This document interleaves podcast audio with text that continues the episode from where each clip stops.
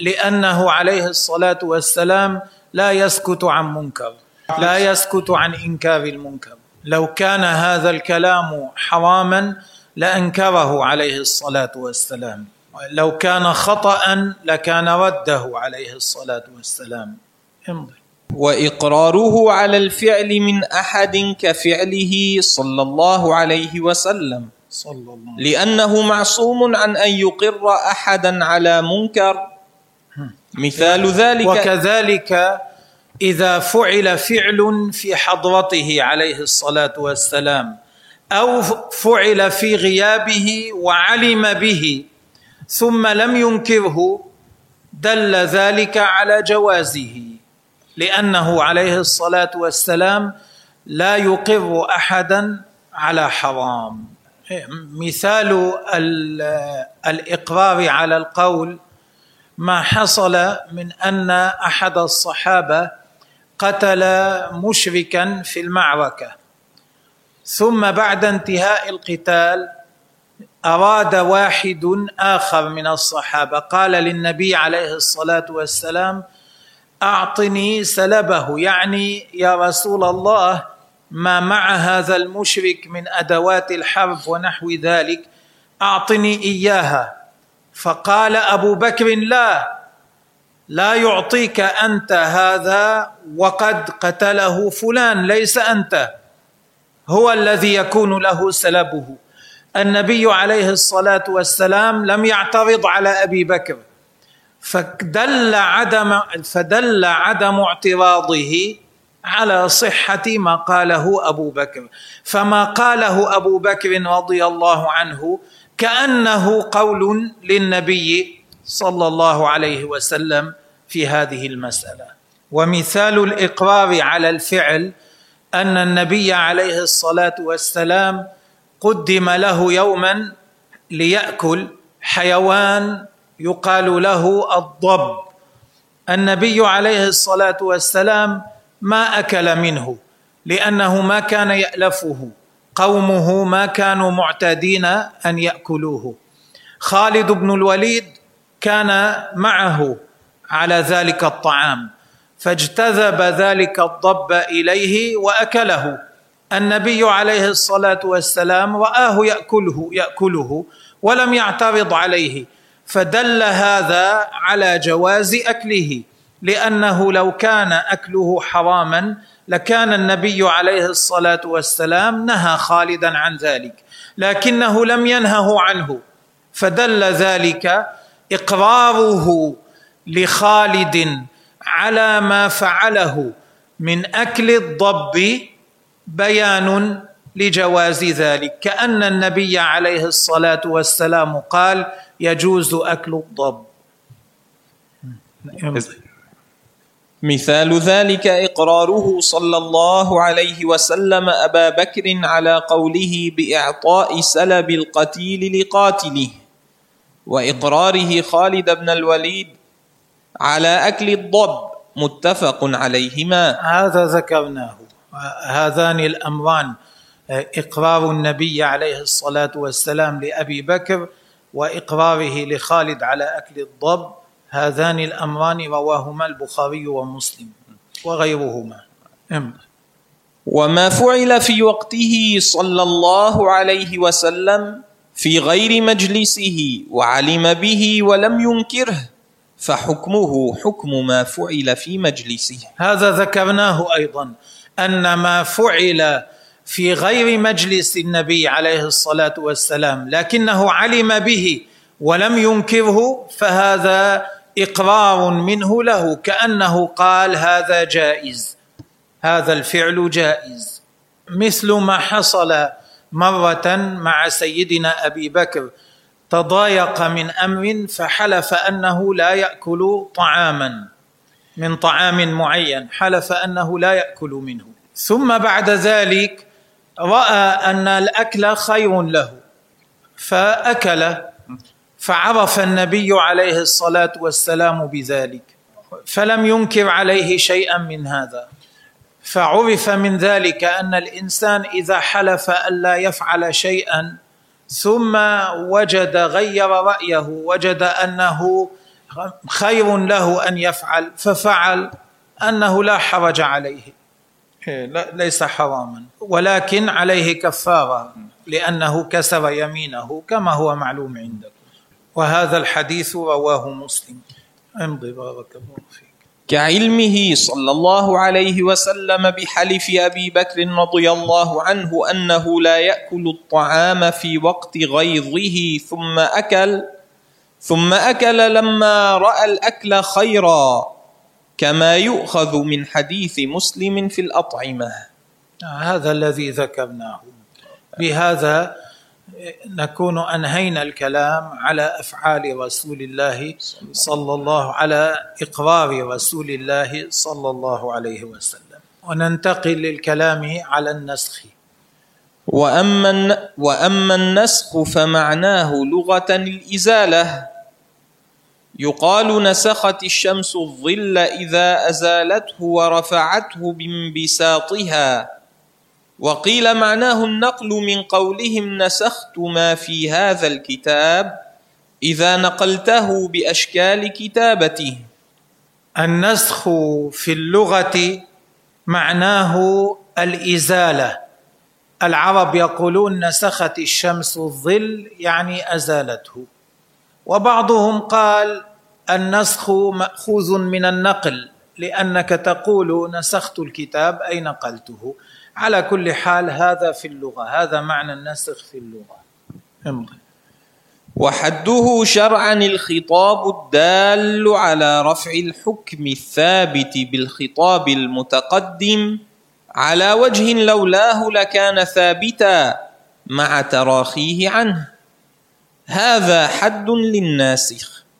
ويؤخذ منه حد النسخ بأنه رفع الحكم المذكور بخطاب إلى آخره. ثم عرف المصنف رحمه الله الناسخ. ما هو الناسخ؟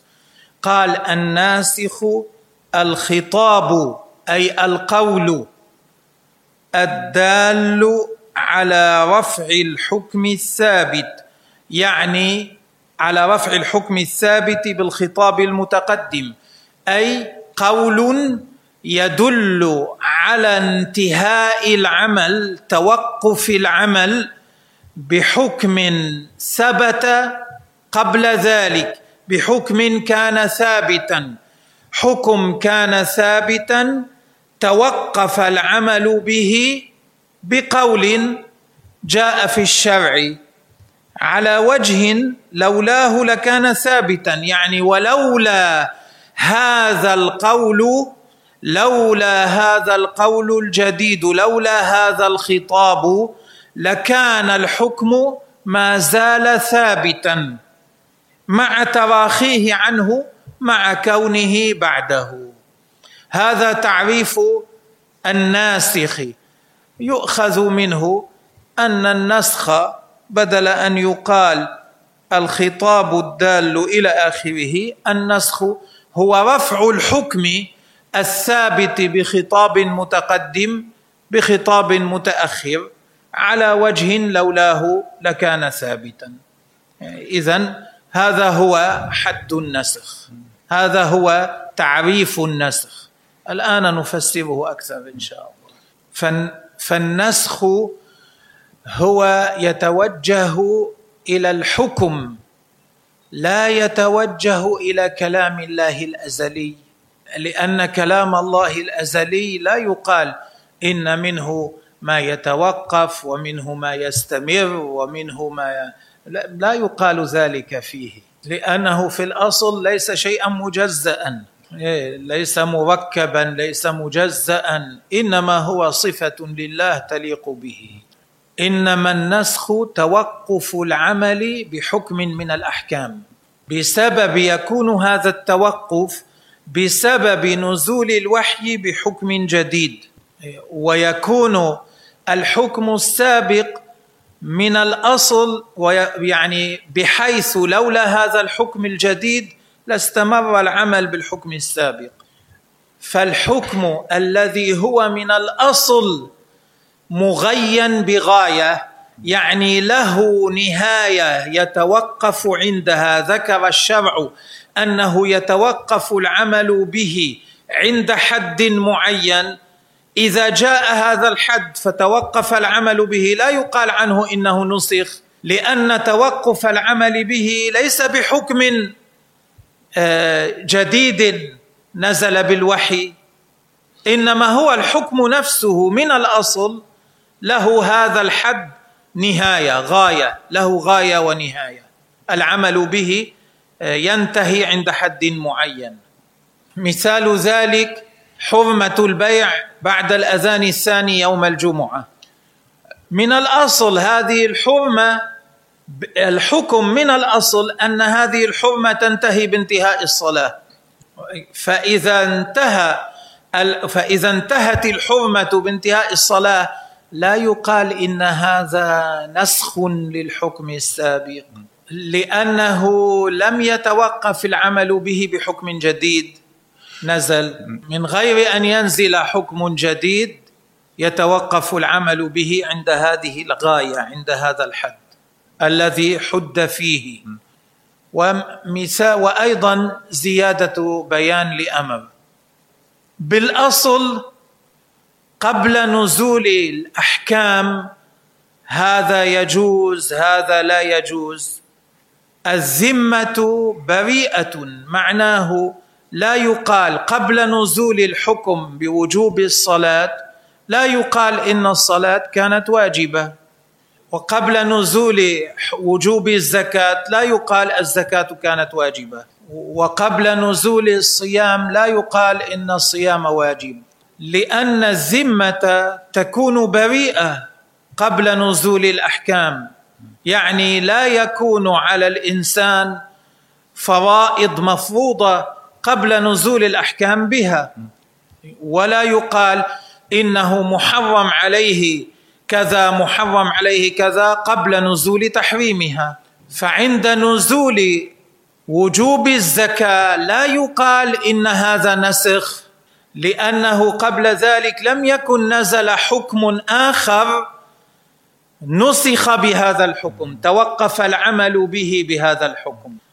اذا النسخ لا بد فيه من حكم سابق ولا بد فيه من حكم ينزل بعد ذلك ويكون في هذا الحكم الذي ينزل بعد ذلك إيقاف للعمل بالحكم السابق.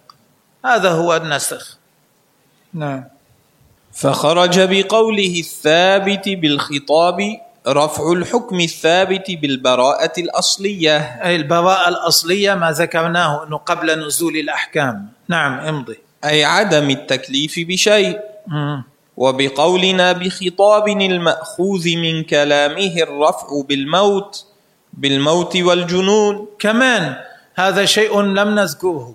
أيضا لما عندما يموت الإنسان يرتفع عنه التكليف. أليس كذلك؟ لا يقال هذا نسخ. إذا جن يرتفع عنه التكليف لا يقال هذا نسخ لأن هذا ليس تو... ليس توقفا للعمل بحكم سابق بحكم جديد نزل. وبقوله على وجه إلى آخره ما لو كان الخطاب الأول مغيا بغاية كما ذكرنا في البيع يوم الجمعة أنه يحرم إلى انتهاء الصلاة. غاية التحريم آخر التحريم انتهاء التحريم هو انتهاء الصلاة. من الأصل الحكم هكذا. أو معللا بمعنى. يعني كذلك إذا كان التحريم من الأول في الحكم مربوطا بعلة بمعنى إذا وجد هذا المعنى يكون حراما إذا لم يوجد يكون حلالا. فإذا لم يوجد المعنى لا يقال إن الحكم نسخ كان المعنى موجودا ثم ما عاد موجودا. كان اولا حراما لأنه لم يعد موجودا صار حلالا. لا يقال هذا نسخ لأنه لم يتوقف العمل بالحكم الأول بسبب حكم جديد نزل. مثال ذلك حرمة الصيد للمحرم. طالما هو محرم حرام عليه أن يصطاد. فبوجود الإحرام يحرم إيش؟ الصيد. إذا زالت العلة ما عاد محرما جاز له أن يصطاد ارتفعت الحرمة.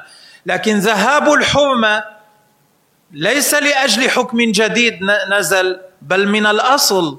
هو الحكم مربوط معلل له علة التي هي الإحرام. إذا وجدت وجد إذا زالت زال. هذا لا يقال عنه نسخ. لأن توقف العمل بالحرمة ليس لنزول وحي بحكم جديد. امضي. وبقوله على وجه إلى آخره ما لو كان الخطاب الأول مغيا بغاية أو معللا بمعنى وصرح الخطاب الثاني بمقتضى ذلك. إذا حتى لو جاء خطاب ثان لكن بمعنى الخطاب الأول هذا لا يكون ناسخا. حتى لو نزل وحي بمعنى الخطاب الأول هذا لا يكون نسخا نعم تفضل امضي. فإنه لا يسمى ناسخا للأول. مثاله قوله تعالى إذا نودي للصلاة من يوم الجمعة فاسعوا إلى ذكر الله وذروا البيع. أي إلى انتهاء الصلاة. فتحريم البيع مغيا بانقضاء الجمعة. فلا يقال إن قوله تعالى فإذا قضيت الصلاة فانتشروا في الأرض وابتغوا من فضل الله ناسخ للأول. بل بين غاية التحريم. يعني هذا الخطاب الثاني بين متى ينتهي التحريم. هذا هو. هذا شيء شرحناه بالنسبة للخطاب متعلق بالبيع يوم الجمعة. امضي. وكذا قوله تعالى وحرم عليكم صيد البر ما دمتم حرما. لا يقال نسخه قوله تعالى وإذا حللتم فاصطادوا. لأن التحريم للإحرام. وقد زال وبقوله مع تراخيه عنه ما اتصل بالخطاب من صفة أو شرط أو استثناء. هذا شرحناه وبين أن من شرط الناسخ أن يكون نزوله متراخيا منفصلا عن المنسوخ ليس متصلا به. إيه، سواء كان النس سواء أما المتصل به هذا لا يقال عنه ناسخ إن كان صفة أو كان شرطا أو كان استثناء. ثم النسخ أنواع أقسام. الآن يبينها إن شاء الله. قال ويجوز نسخ الرسم وبقاء الحكم.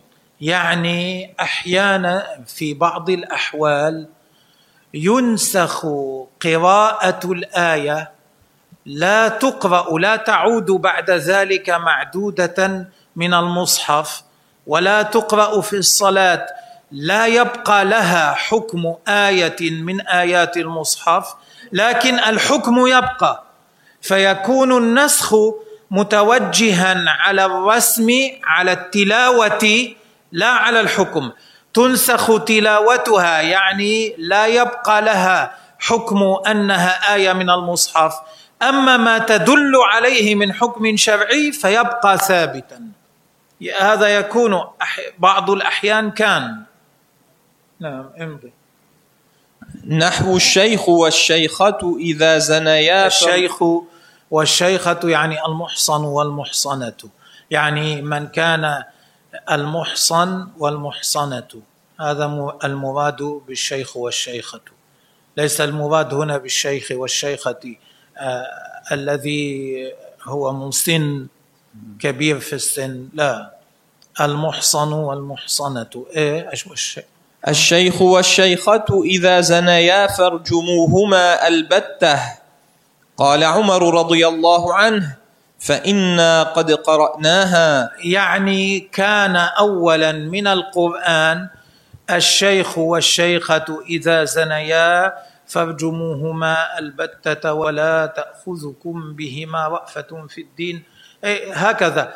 هذه كانت تقرأ على أنها آية من القرآن.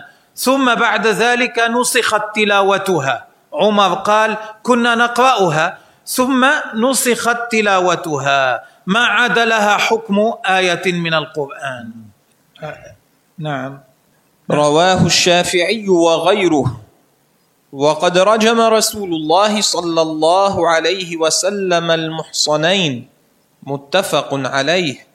وهما المراد بالشيخ والشيخة. فهذه هذا الحكم أي رجم المحصن إذا زنى ثابت في الشرع مع أن تلاوة الآية التي فيها ذلك نسخت. نسخت التلاوة وبقي الحكم ثابتا. وبعد أن نسخ تلاوة هذه الآيات النبي عليه الصلاة والسلام وجم المحصن كما رواه البخاري ومسلم. هذا نوع من أنواع النسخ. بعض السور كان عدد آياتها في الأصل قبل أن ينسخ تلاوتها تقريبا ضعف عدد آياتها الآن. ثم نسخت تلاوة آيات كثيرة منها. هذا نوع من أنواع النسخ. امضي. ونسخ الحكم وبقاء الرسم. نحو والذين يتوفون منكم ويذرون أزواجا وصية لأزواجهم متاعا إلى الحول. نسخ نسخ بآية يتربصن بأنفسهن أربعة أشهر وعشرا. يعني وأيضا من أنواع النسخ. أنه ينسخ الحكم لكن تبقى تلاوته في في القرآن. يبقى للآية حكم أنها آية من القرآن من كتاب الله. تقرأ في الصلاة نقرأها في الصلاة. لكن الحكم نسخ. توقف العمل بالحكم الذي فيها. مثل الآية التي تدل على أن المرأة إذا مات زوجها تعتد سنة. ثم نسخ هذا بأن جعلت العدة إلى أربعة أشهر وعشرة أيام. الآية التي تدل على الحكم الأول نقرأها في القرآن والثانية نقرأها في القرآن. فقراءة الآيتين لم لم تنسخ. إنما الذي نسخ الحكم الذي تدل عليه الآية الأولى. هذا نوع ثان من النسخ. ونسخ الأمرين معا نحو حديث مسلم عن يعني ونوع ثالث أن ينسخ الأمران. ينس تنسخ التلاوة والحكم كلاهما. نحو حديث مسلم عن عائشة رضي الله عنها. قالت كان فيما أنزل عشر رضعات معلومات فنسخن بخمس معلومات. كان اولا في القرآن أن التحريم بالرضاع لا بد لحصوله من أن يكون عشر رضعات آه. متفرقات. لا يحصل التحريم إلا بعشر وضعات متفرقات. ثم نسخت هذه الآية. نسخت تلاوتها ونسخ حكمها. وصار الحكم أن خمس وضعات يحرم. الآية لا تقرأ على أنها من القرآن الآية التي كانت والحكم أيضا نسخ. آه. توقف العمل به. والنسخ ينقسم إلى بدل وإلى غير بدل. هلأ من حيثية أخرى من ناحية أخرى النسخ قد يكون نسخا إلى بدل وقد يكون نسخا إلى غير بدل. امضي. الأول. الأول كما في نسخ استقبال بيت المقدس باستقبال الكعبة وسيأتي. والثاني كما في نسخ قوله تعالى إذا ناجيتم الرسول فقدموا بين يدي نجواكم صدقة.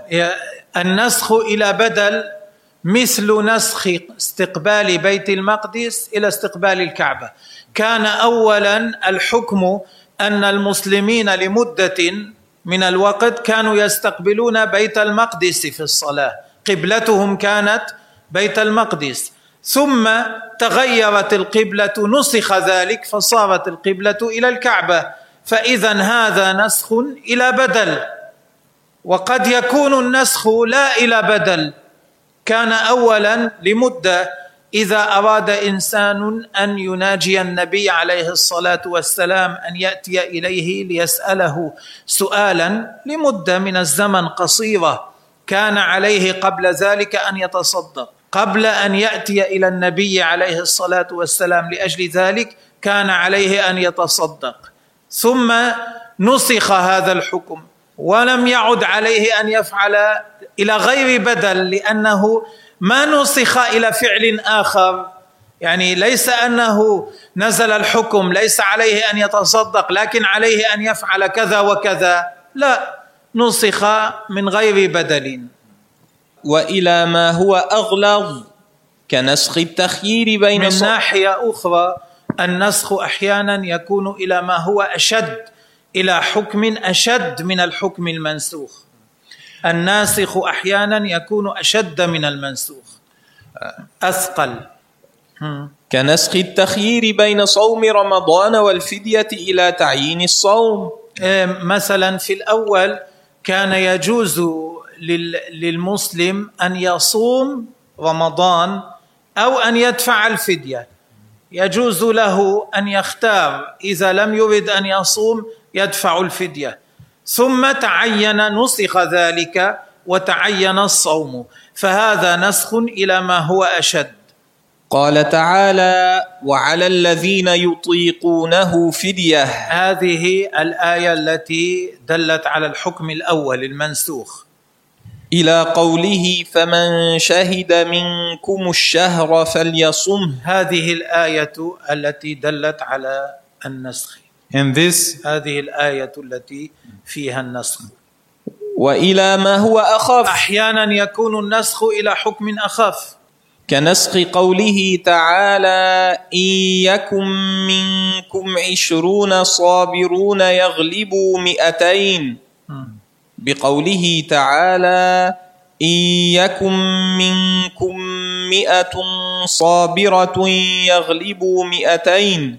مثال ذلك أنه كان اولا حرام على المسلم إذا كان في المعركة أن يترك ساحة القتال آه، إذا كان الذي يواجهه الكفار الذين يواجهونه في القتال عشرة أضعاف. المسلمون لو كان الكفار عشرة أضعافهم أو أقل كان لا يجوز لهم ترك ساحة القتال. ثم نسخ ذلك إلى الضعف. إذا كان الكفار أكثر من ضعف المسلمين يجوز عند ذلك للمسلم أن يترك. أما إذا كان الضعف أو أقل لا يجوز له. فهذا حكم نسخ إلى ما هو أخف منه. نكتفي بهذا الآن نكمل الكلام إن شاء الله عن النسخ في الحصة التي تلي. والله تعالى أعلم. نهلل لا إله إلا الله.